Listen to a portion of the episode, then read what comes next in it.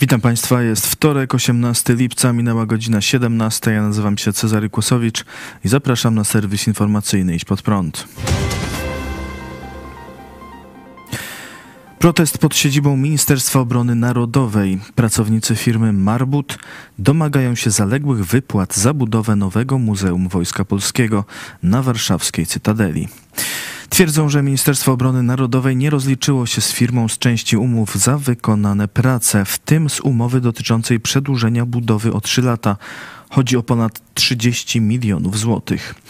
Protestujący pytają, kto zapłaci za ich pracę. Pod siedzibę resortu obrony przyszli z transparentami, na których napisali między innymi Wojsko Polskie zabija polską firmę, czy muzea stawiają pieniądze, pieniędzy nie dają.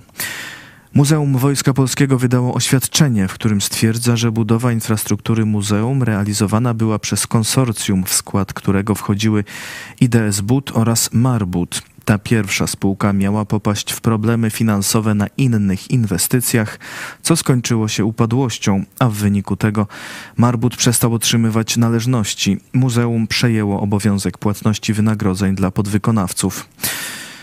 Dotychczas w toku mediacji w sądzie polubownym przy prokuratorii RP Muzeum Wojska Polskiego dokonało waloryzacji wynagrodzenia Marbut oraz zwiększyło wynagrodzenie wykonawcy związane z udokumentowanym wzrostem kosztów materiałów budowlanych.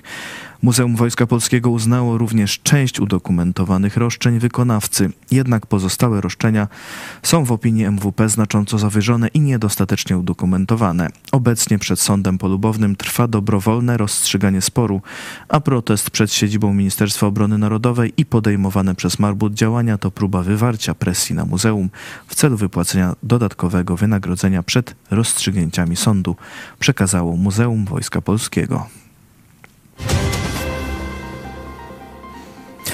Ustawie o obronie ojczyzny wprowadzono zakaz fotografowania i nagrywania niektórych obiektów. W głosowaniu z 7 lipca Sejm przyjął nowelizację ustawy o obronie ojczyzny. Nowelizacja czeka na podpis prezydenta. Wprowadzony w niej artykuł 616a zakazuje, by bez zezwolenia fotografować, nagrywać lub w inny sposób utrwalać obrazy lub wizerunki niektórych obiektów i znajdujących się w nich osób. Zakaz fotografowania dotyczy obiektów szczególnie ważnych dla bezpieczeństwa lub obronności państwa, obiektów resortu obrony narodowej, nieuznanych za obiekty szczególnie ważne dla bezpieczeństwa lub obronności państwa, obiektów infrastruktury krytycznej, jeżeli zostały oznaczone znakiem graficznym wyrażającym ten zakaz oraz osób lub ruchomości znajdujących się w obiektach, które są wymienione w przepisie. Za złamanie zakazu grozi kara aresztu lub grzywny. Ponadto ustawa pozwala na konfiskatę sprzętu, którego użyto do utrwalenia obrazu. W razie popełnienia wykroczenia określonego w ustępie pierwszym można orzec przypad, przepadek przedmiotów pochodzących z tego wykroczenia oraz służących do popełnienia wykroczenia, choćby nie stanowiły własności sprawcy, czytamy w ustawie. Tunezja podpisała umowę z Unią Europejską w sprawie nielegalnych migrantów. Umowa o partnerstwie strategicznym została podpisana w niedzielę.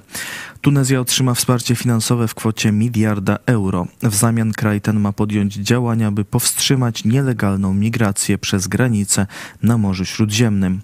To właśnie przez Tunezję wielu przybyszów nielegalnie dociera do obszaru Unii Europejskiej i stąd dostaje się do innych krajów wspólnoty. W negocjacjach z rządem Tunezji uczestniczyli ustępujący holenderski premier Mark Rutte, premier Włoch Giorgia Meloni i przewodnicząca Komisji Europejskiej Ursula von der Leyen. Muzułmanin zapowiadał spalenie Biblii i Tory, ale tego nie zrobił. Muzułmanin, który zapowiadał, że spali Biblię i Torę przed ambasadą Izraela w Szwecji, rzeczywiście pojawił się na jednoosobowej demonstracji. Okazało się jednak, że jego celem nie jest palenie ksiąg, ale sprzeciw wobec niedawnych incydentów w Sztokholmie, podczas których palono Koran. Przyniesioną zapalniczkę mężczyzna wyrzucił na ziemię. Podkreślił, że choć zapowiadał palenie Biblii i Tory, nie zamierzał tego zrealizować. Chcę pokazać, że musimy się nawzajem szanować, powiedział podczas protestu.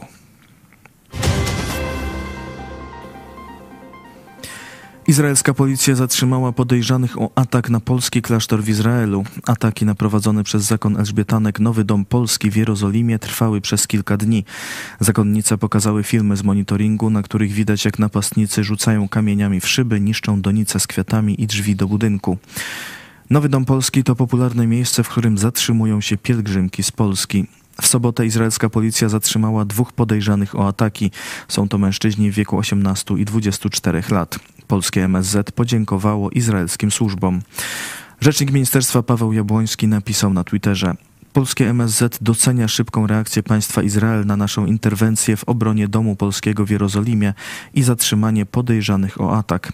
Liczymy na to, że sprawcy zostaną pociągnięci do odpowiedzialności, że podobne ataki nie będą się powtarzać, a działania izraelskiej policji i innych służb zapewnią bezpieczeństwo siostrom Elżbietankom i innym chrześcijanom w Jerozolimie.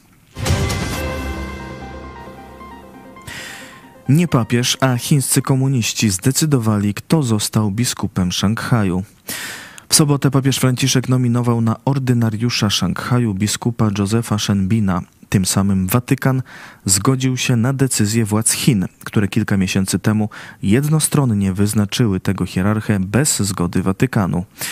Dzieje się to pomimo obowiązywania umowy Pekinu z Watykanem, która miała zakończyć praktykę mianowania biskupów przez chińskie władze państwowe bez zgody głowy Kościoła katolickiego.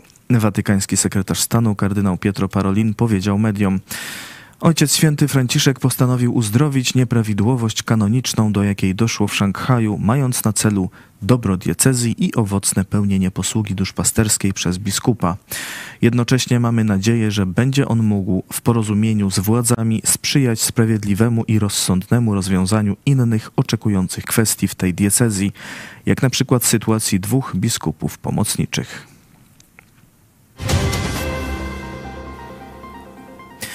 To wszystko w dzisiejszym serwisie. Dziękuję Państwu za uwagę. Kolejny serwis jutro o 17, na dziś o 18 w telewizji Idź Pod Prąd. To było Boże działanie, postscriptum do uratowanych z Mariupola. Wywiad z Sergiuszem Heraszczenko, biskupem chrześcijańskiego kościoła z Zaporoża, który pomógł sierotom wydostać się ze strefy okupowanej przez Rosjan. Zapraszam, do zobaczenia.